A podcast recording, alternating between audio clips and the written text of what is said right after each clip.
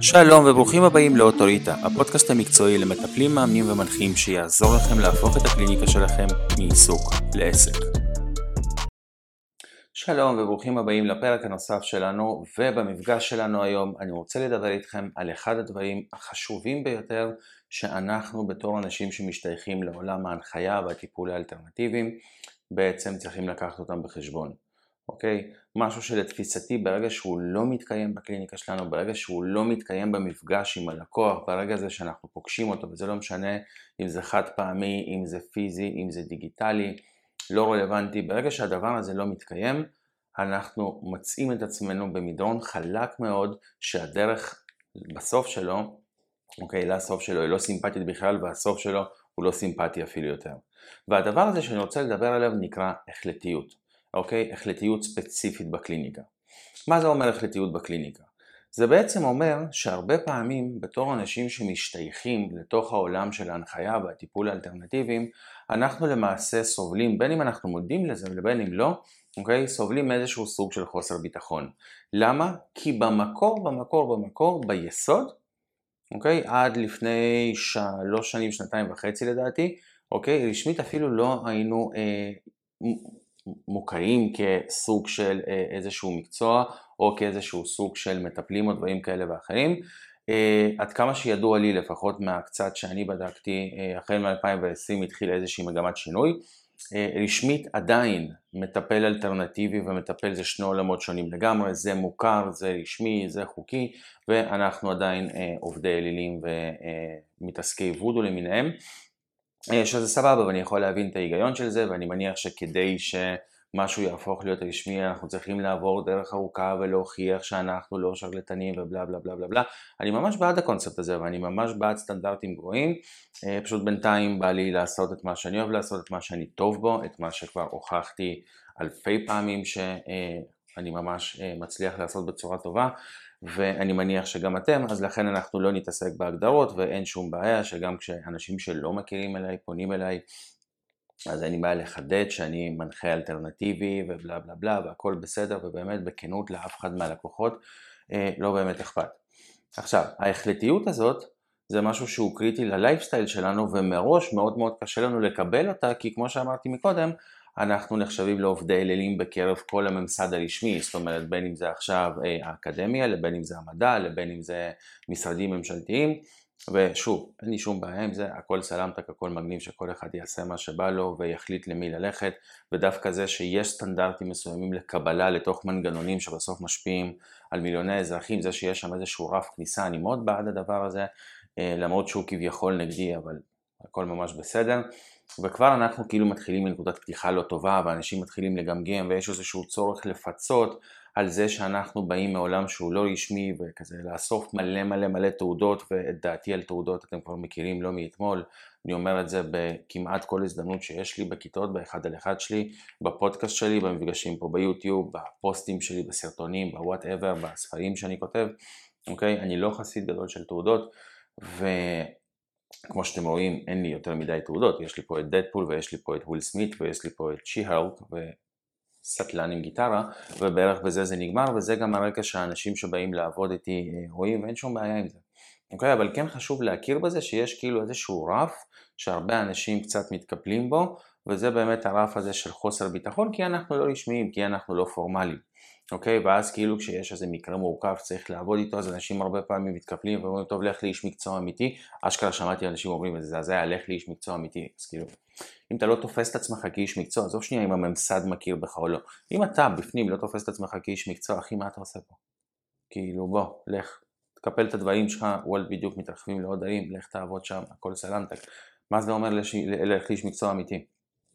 אני תופס את עצמי כאיש מקצוע, אני לא מוכר בשום מקום, אני תופס את עצמי כאיש מקצוע, ואנשים עם תארים באים ויושבים אצלי בכיתות, ועובדים סוציאליים יושבים אצלי בכיתות, ופסיכולוגים קליניים יושבים אצלי בכיתות, ופסיכיאטרים ישבו אצלי בכיתות, זה לא הפריע להם, והם לחצו לי את היד והם אמרו לי שהיה יופי של קורס, ונתנו לי חיבוק ונשיקה, ואמרו לי שהשארתי אותם, והכל בסדר.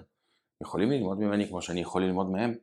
מה זה אומר לי איש מקצוע אמיתי? כאילו, מי, מה, מעבר להגדרה הרשמית, מה, מה המטרה של זה? כאילו הפער הזה של החוסר ביטחון, הפער הזה של הביטחון, סליחה, שיוצר את החוסר ביטחון, הוא בסוף פוגע בנו ואנחנו גם תכף נראה איפה זה פוגש אותנו בהחלטיות. אבל זו הנקודה הראשונה. הנקודה השנייה של העסקים בתחום הטיפול האלטרנטיבי, בתחום ההנחיה, היום בישראל מאוד מאוד קשה להתפרנס. אוקיי? למה? כי התחום הזה פרוץ, כי אנחנו לא רשמיים, כי כל טמבל יכול עכשיו לשבת בבית לראות קורס יוטיוב וישלחו לו PDF של תעודה שמישהו הדפיס איפשהו בזימבבואה והוא עכשיו מרגיש שהוא מטפל מוסמך והוא יוצא והוא עושה שטויות והוא מציג את עצמו כנציג של אותם התחומים שאנחנו משתייכים אליהם, בין אם זה האימון המנטלי, לבין אם זה הטיפול האלטרנטיבי, לבין אם זה השיטות שאנחנו לומדים, NLP, CBT, coaching, CBT פחות כי הוא כן מוכר רשמית, מיינדפולנס, אדלר, ימימה, כל העולם תוכן הזה, הוא מציג את עצמו כנציג של אחד מהם, הוא עושה חרא של עבודה במקרה הטוב, או עושק אנשים במקרה הפחות טוב, ואז הם אומרים, אה, אה, כל אלה הם, וזה גם דופק לנו ביס בתחת, אז מאוד קשה גם להביא אנשים. ולהביא מונחים ולהביא מטופלים ולא משנה איך תקראו לזה והדבר הזה גם יוצר איזשהו פער בביטחון כי עד שכבר סוף סוף מישהו מגיע אז אני כאילו מפחד לאבד אותו. עד שסוף סוף הגיע בן אדם והוא מוכן לשלם לי את ה-200, 300, 400, whatever, כמה כסף שאתם לוקחים לשעה או רוצים לקחת לשעה, פתאום אה, אני מפחד לאבד אותו, אני כאילו אומר וואלה, רק שלא יקרה משהו, רק שיישאר. והגישה הזאת, הגישה הזאת של הפחד לאבד והגישה הזאת של כאילו הנחיתות המקצועית, הם יוצאים איזושהי חוויה של אנשי מקצוע מסורסים לחלוטין, אני רואה את זה כל הזמן, אני פוגש את זה באין סוף מצבים, גם בקורסים שלי, גם בליוויים האישיים שלי, אני עושה גם באנשים שפונים אליי ברשתות, אוקיי, מתחילות גם להגיע תגובות לפודקאסט, כאילו אין לדבר הזה סוף, והסירוס הזה יוצר לנו את הנושא הזה של חוסר החלטיות.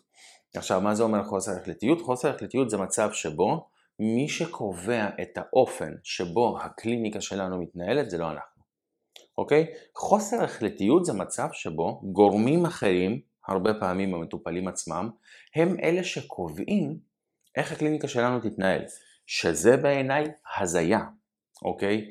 וזה הנושא שאני רוצה לגעת בו היום ככה בקצרה בשביל רגע ליישר קו כדי שתבינו לפחות מה היעד, מה המצב הרצוי שאתם רוצים להגיע אליו כדי לוודא שיש לכם לא רק עסק מתפקד אלא גם איזשהו סוג של לייפסטייל. עכשיו, החלטיות כקונספט שתבינו למה הדבר הזה הוא מאוד מאוד חשוב, אוקיי? החלטיות זה סממן של יציבות, אוקיי? זאת אומרת בן אדם שהוא החלטי בן אדם שעומד מאחורי מה שהוא אומר, בן אדם שיודע בדיוק מה הוא רוצה להגיד, זה בדרך כלל מסמן איזשהי סוג של יציבות, אוקיי? איזשהו סוג של ביטחון. זה בן אדם שברור לו לחלוטין לאן הוא הולך, ברור לו מה הדרך שלו, ברור לו מה השלבים בדרך שלו, הוא בטוח בעצמו, הוא בטוח בפעולות שלו, יש לו את המסלול וזה מה שהוא מתקשר החוצה. והכל עובד ממש ממש נהדר. כשבן אדם שמולי הוא החלטי, אוקיי? הוא קודם כל משדר לי החוצה שהוא מבין על מה הוא מדבר. כשבן אדם בצד השני מתחיל לגמגם, לא משנה מי הוא, ולא משנה דרך אגב איזה תואר יש לו, כשהוא מתחיל לגמגם, אני מתחיל לאבד קצת את התחושת ביטחון והוודאות שלי. כשאני מתחיל לאבד את התחושת ביטחון והוודאות שלי, כבר יש לי פחות מוטיבציה לפנות לאיש הזה. אוקיי? אז החלטיות זה איזשהו סממן של ביטחון וודאות גם כלפי הצד השני. עכשיו, אם לצד השני אין, אין תחושה של ביטחון וודאות בי או במה שאני עושה אצלי בעסק, אצלי בקליניקה, הסיכוי שלי להצליח איתו גובל לאפס. גובל לאפס. ויצא לי כבר להגיד את זה בכל מיני וריאציות ואני אגיד את זה עוד המון המון המון פעמים, אוקיי? אה, בקורסים האלה שאנחנו עושים, בכל ההתפתחות אישית, NLP, coaching, whatever, כל, אה, כל החברים שלנו, נותנים כאילו המון המון המון דגש על ה rapport. אוקיי, על הכימיה, על התקשורת הבין אישית, שזה סבבה וזה מגניב ונחמד, אבל מדברים קצת פחות מדי לטעמי על נושא של סמכות. בסוף בעולם מתוקן כן, אני רוצה גם רפור וגם סמכות, אבל בפועל אם אני צריך לבחור בין הרפור לבין סמכות, אני לעד אבחר בסמכות. אני לא בא להיות חבר שלהם, הם לא צריכים לבוא לשבת איתי לביר. והם צריכים לבוא ולקבל את היחס הכי טוב שהם יכולים, הכי מקצועי שהם יכולים, וצריך לפתור להם את הבעיה במידת האפשר כמובן. אוקיי, אני לא צריך להיות חבר שלהם, אוקיי? וזה משהו שאנחנו צריכים לקחת בחשבון, כי הקטע הזה של, ה, אה, של להציב עובדות או, או לקבל איזה שהן החלטות בקליניקה, זה כאילו מפגיש אותנו עם זה שאנחנו מפחדים שלצד השני יהיה כיף, לא כיף סליחה, ואז הוא ילך, ואז הוא יברח. עכשיו, כשהבן אדם נמצא, כשהבן אדם נמצא באיזושהי חוויה פנימית, אוקיי? שהוא 100% בטוח בדרך שלו, שהוא יציב, הוא לא נותן לגורמים חיצוניים להסיט אותו. מה זה אומר לתת לגורמים חיצוניים להסיט אותו? אני מכיר מקרים המון שבהם המטופל קובע למטפל, אוקיי? המונחה קובע למנחה איך לעבוד איתו. אוקיי? אני אשכרה מכיר מקרים, האנשים האלה מתייעצים איתי מדי פעם, אני עושה להם לפעמים קצת, קצת supervision בקטנה, והם אשכרה באים אליי ואומרים לי, כן, שמע, הגיע אליי מישהו, והוא ממש אמר לי, תקשיב, במפגש אני רוצה שתעשה לי את זה, בשני נעשה את זה, בשלישי נעשה את זה, ואז נראה איך נתקדם, והבן אדם זרם איתו. כאילו, המטפל זרם איתו. מגיע אליו מונחה, נותן לו תוכנית עבודה שהוא כאילו משום מה, איכשהו, לא יודע על סמך מה, הכין בבית, והבן אדם בצד השני, הפאקינג איש מקצוע שאמור ללוות את כל התהליך הזה בהובלה, אוקיי? בהובלה, הוא אמור ללוות אותו בהובלה, הוא זורם איתו, הוא אומר לו אוקיי, אין בעיה, זה מה שנעשה. או שמצבים שהם שואלים אותו אוקיי, כמה זמן בערך זה ייקח. עכשיו זה נכון שלא באמת אפשר לדעת, זה נכון, אבל תגידו את זה, תסבירו את זה. תסבירו את זה. אה, תשמע, בואו נבוא, אני מאמין שחמישה, שישה, שבעה מפגשים, ואז פתאום מתחילים לגמגם. למה? אם אתה לא יודע, תגיד שאתה לא יודע. אם הממוצע שלך זה עשרה מפגשים, תגיד בערך עשרה מפגשים, קח בחשבון שיכול להיות שזה יקרה פחות, יכול להיות שזה יקרה יותר, אני נותן לך את המספר ממוצע. אין לכם ממוצע? תבואו ותגידו בואו נתחיל משלושה ארבעה חודשים, נראה איפה אנחנו, אה, לאן אנחנו ממשיכים. אבל תגידו את זה בצורה שהיא יציבה. תבינו מה אתם רוצים לעשות, איך אתם רוצים לעשות את זה. אם אני נותן לגורמים חיצוניים להסיט אותי, זה משדר לי חוסר ביטחון, אני לא יכול להתקדם בצורה הזאת, אוקיי? עכשיו, כשאני נותן למישהו להזיז אותי הצידה, אני אוטומטית משדר חוסר ודאות לצד השני, גם אם, גם אם הצד השני הוא זה שהסיט אותי.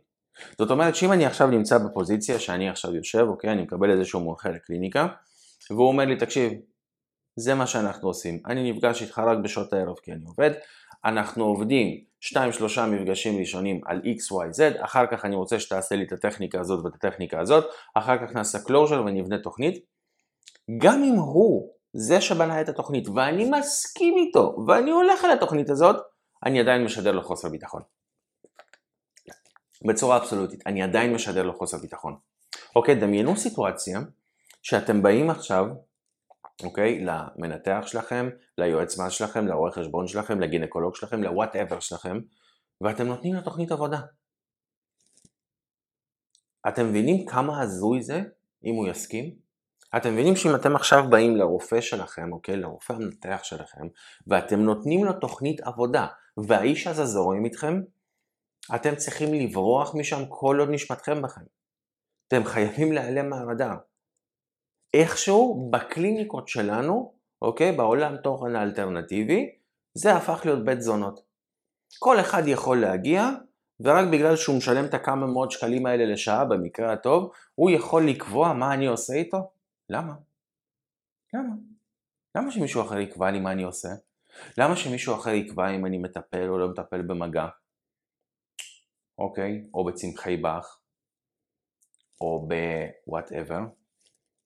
אני נגיד אישית, כל הקליניקה שלי, כל האחד על אחד שלי, לא רק החלק האימוני, מדי פעם אני עושה ג'סטות, היום אני פחות עובד עם מטופלים, קצת מיציתי את זה אחרי כמה שנים, אבל מדי פעם גם בשביל האחיזה בשטח, גם בשביל ככה להישאר מעודכן בגלל התוכנית אוטוריטה של הקורס הזה שאני עושה למטפלים ומאמנים, גם חלק בשביל הפודקאסט, בשביל הספר, זאת אומרת בשביל מה שנקרא באמת להיות בשטח, מדי פעם אנשים פונים אליי ואני עושה ג'סטה, בין אם זה, זה כזה קרוב של אחד הלקוחות שלי או whatever, תלמיד הבארץ שלי, אני בדרך כלל כן מקבל אותם. אז רוב הקליניקה שלי היום היא, היא, היא או אימונית או ייעוצים עסקיים, פחות אה, טיפולים, הטיפולים זה כזה פעם ב- בשביל האחיזה, אוקיי? אבל גם הפעם באיזה, בתקופה הנוכחית של החיים שלי אני עושה את זה בזום. לא פוגש אנשים פיזית. יש כאלה שזה לא מתאים להם, אחלה, מגניב, אל תבואו.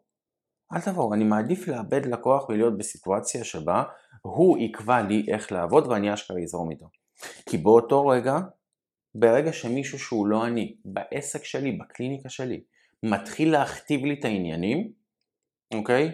זה איזושהי פרצה של חוסר סמכות שתוביל אותנו למקומות של חוסר ביטחון וחוסר ודאות, ומשם איבדנו את זה.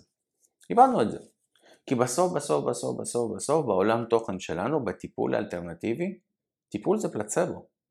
בואו שנייה נלחד במציאות, נבוא עם קצת ענווה, לכל אלה מאיתנו שחושבים שאלוהים נגע בהם, אנחנו עושים פלצבו. ממש טוב, אוקיי? כאילו, חלקנו. זה מה שאנחנו עושים.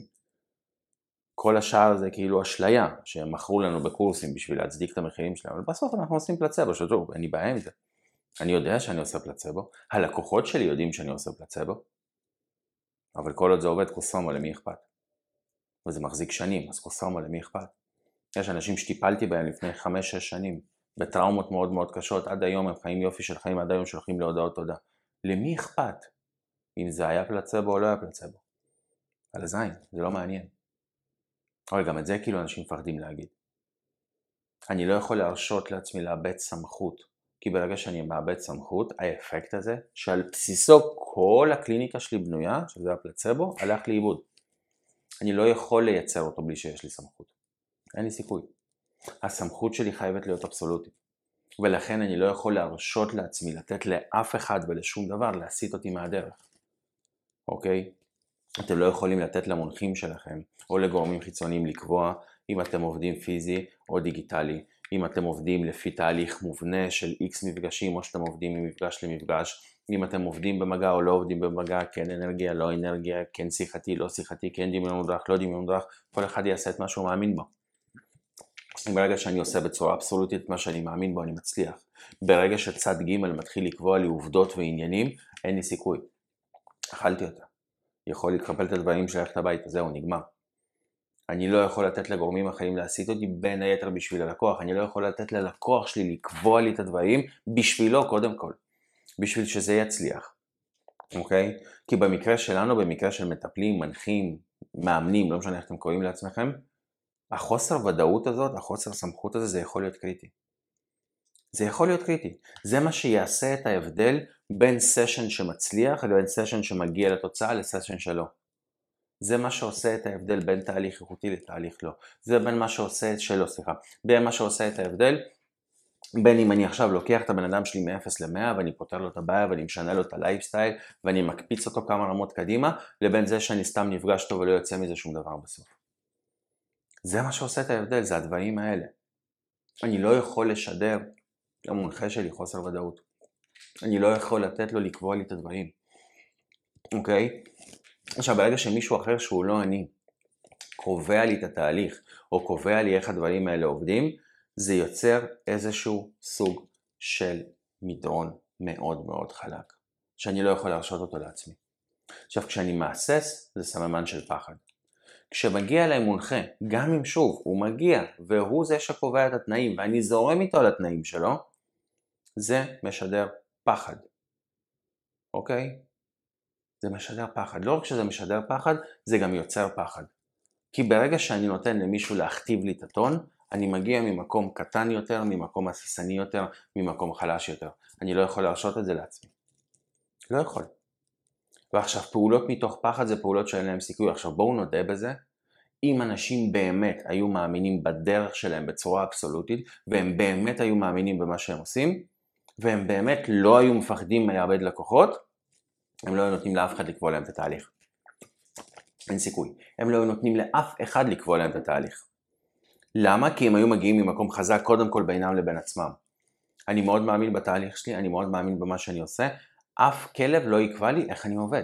אין, זה לא קורה. בקליניקה שלי רק אני קובע. לא ממקום של אגו, לא ממקום של יהירות, לא ממקום של יומרנות, ממקום של זה הדרך, זאת הדרך, סליחה, שאני מאמין בה, זאת הדרך שאני הולך בה, ואני יודע לעזור לכם רק בדרך הזאת. אתם רוצים דרך אחרת, זה לא אצלי, סלאם. ואין בעיה לאבד לקוחות. אין בעיה. אבל once אני מציב איזשהו תנאי, once אני מציב איזשהו תהליך, זה קדוש. זה יותר חשוב מהכל. אוקיי? אם אני מציב איזושהי בקשה, אני מציב איזושהי עובדה, אני נותן איזושהי הנחיה, אני שם איזשהו דדליין. השבוע לא קיבלתי לקוחה שהייתה מוכנה לשלם לי את כל הסכום של התהליך שלי מראש, ואני לוקח לא מעט כסף. את כל הסכום מראש. למה? כי היא לא עמדה בדדליין. היא רצתה לדחות אותו.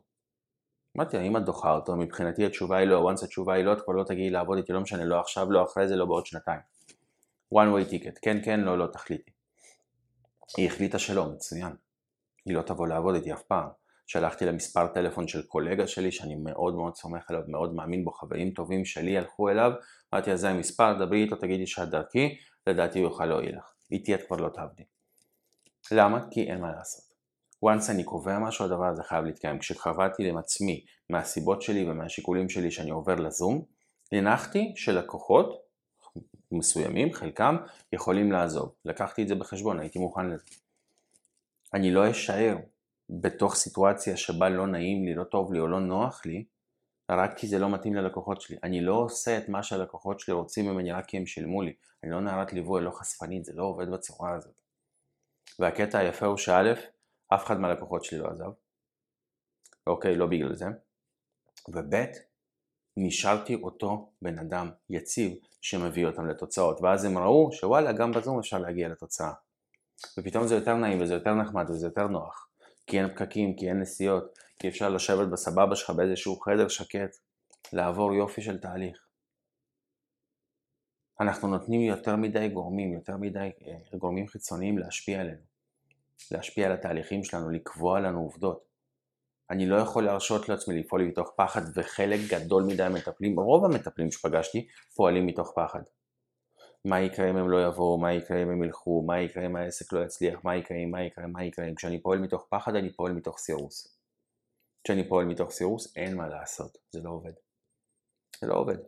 במיוחד בעולם שלנו, במיוחד בעולם האלטרנטיבי. אני לא יכול להגיע עם בן אדם לתוצאות בלי סמכות. לא יכולה להיות לי סמכות אם אני פועל מתוך פחד. אז הדבר הזה שבגללו אתם מפחדים, אוקיי? הוא יקרה בוודאות בגלל שאתם פועלים מתוך פחד. זאת אומרת, אם אני מפחד שלקוחות לא יבואו אליי, ואז מתוך זה אני פועל בהססנות ואני נותן לכל העולם ואימא שלו לקבוע לי עובדות בקליניקה, אז לעולם לא תהיה לי זהות טיפולית, לעולם לא יהיה לי ביטחון, לעולם לא תהיה לי את הסמכות הזאת שאני רוצה. אני לא אגיע לתוצאות שאני יכול להגיע אליהן, ואז לא יהיו לקוחות. הסיבה שבגללה אתם מפחדים, זה בדיוק המקום שאליו תגיעו כשאתם פועלים מתוך פחד. מעין מעגליות מעצבנת כזאת שתמיד מוכיחה את עצמה. כי כשאני החלטי, זה יוצר תחושת ביטחון. זה יוצר תחושת ביטחון אצלי, אצל המונחה שלי. ועכשיו שימו לב, תחושת ביטחון, לא תחושת נעימות. אני לא מחפש להיות חבר שלהם. אני לא מחפש שיהיה להם נעים, אני מחפש שיהיה להם אפקטיבי. אם על הדרך אני יכול לגרום לזה להיות נעים, אהלן סהלן בונוס, מגניב. אני לא מחפש את זה באופן אקטיבי, לא ככה זה עובד. אנחנו שם כדי לעזור לאנשים האלה, לא כדי להפוך להיות חברים שלהם, והנקודה הזאת היא קריטית. אני כאן כדי לעזור, לא כדי להיות חבר של אף אחד. לא נעים לכם, לא נוח לכם, זה חלק מהעניין, אני גם אומר את זה בשלב של התיאום ציפיות. עוד בשלב של התיאום ציפיות אני מסביר לאנשים, יהיו מפגשים שאתם תשנאו אותי. יהיה מפגש שאתה תרצה שאני אמות, יהיה מפגש שישעמם לך ויהיה מפגש שאתה תרגיש שאתה מבזבז את הזמן. קח את זה בחשבון, חלק מהפרוסס. ויהיו מפגשים שאני אעיף לך את המוח. ואתה תצא ואתה תחיה חיים שלא האמנת שאתה יכול לחיות. זה הכל חלק מאותה חבילה. נותן לו את זה מראש, והוא מקבל את זה, והוא מכבד את זה, ואז הוא בא אליי ואנחנו עובדים וזה עובד וזה מצליח. בסוף בואו, לא מדבר ממקום תאורטי, אני מדבר ממקום של הצלחה כמעט מוחלטת. יש לי מעל 90% הצלחה עם אנשים. בין אם זה בפן האימוני, בין אם זה בפן העסקי, לבין אם זה בפן הטיפולי. נכון, לא 100, אין 100 לאף אחד. כשיהיה לי 100% הצלחה אני אדע שאין לי מספיק לקוחות. כלל אצבע. יש מלא אנשים שהיו באים אליי ואומרים לי, אין, אני 100% הצלחה. כל ה-100% מהלקוחות שלי כולם מרוצים. והתשובה שלי תמיד הייתה אותה תשובה.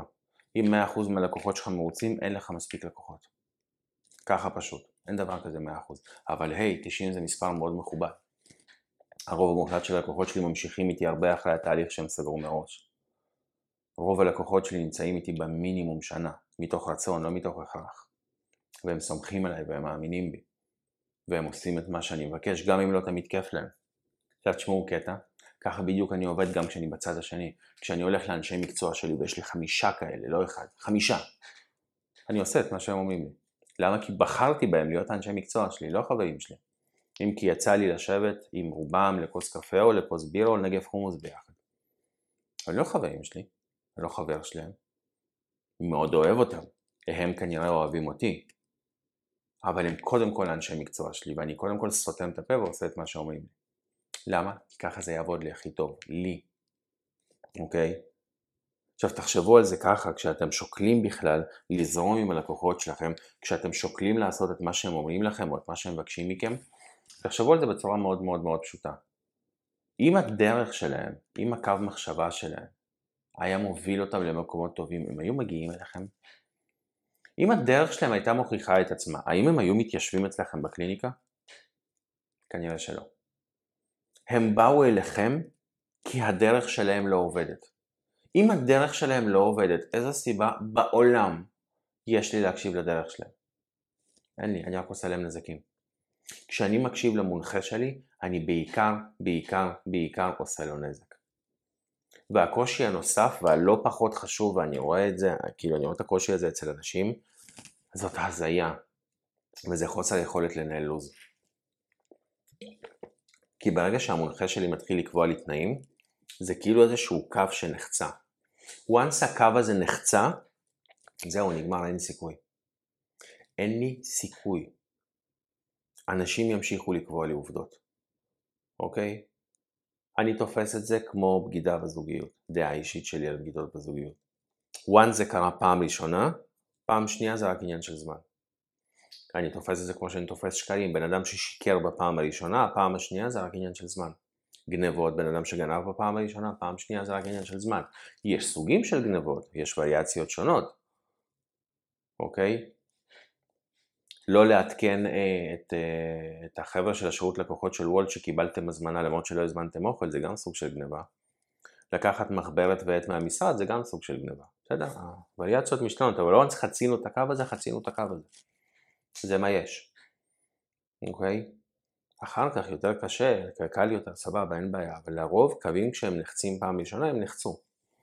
הם נחצו, זה, זו, זאת המציאות. אחר כך צריך להשקיע הרבה מאוד מאמץ שהם לא יחצו עוד פעם, וזה מאוד מאוד אפשרי. עניין של זמן, תזמון, נסיבות. אותו דבר בקליניקה, אותו דבר בעסק. once נתתי ללקוח לקבוע לי עובדה, עכשיו אני הבן אדם הזה שנותן ללקוחות לקבוע לו עובדה. ואז זה פוגע לי בלייפסטייל, ופתאום אני לא יכול לנהל אורח חיים. תחשבו על זה, וזה גם שיחות שיצא לי לנהל עם מלא אנשים, אוקיי? שאתם מתאימים את הלו"ז שלכם ללו"ז של הלקוחות ולא ההפך. חשבתם על זה פעם? אתם מתאימים את הלו"ז שלכם ללו"ז של הלקוחות ולא ההפך.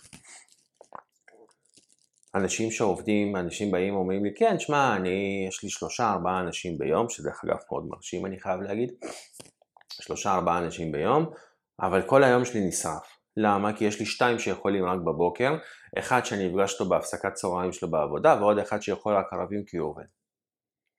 ארבעה אנשים שרפו לו את היום. שתיים בבוקר, אחד בצהריים ואחד בערב, אין לאיש הזה יום. הוא לא יכול לעשות כלום.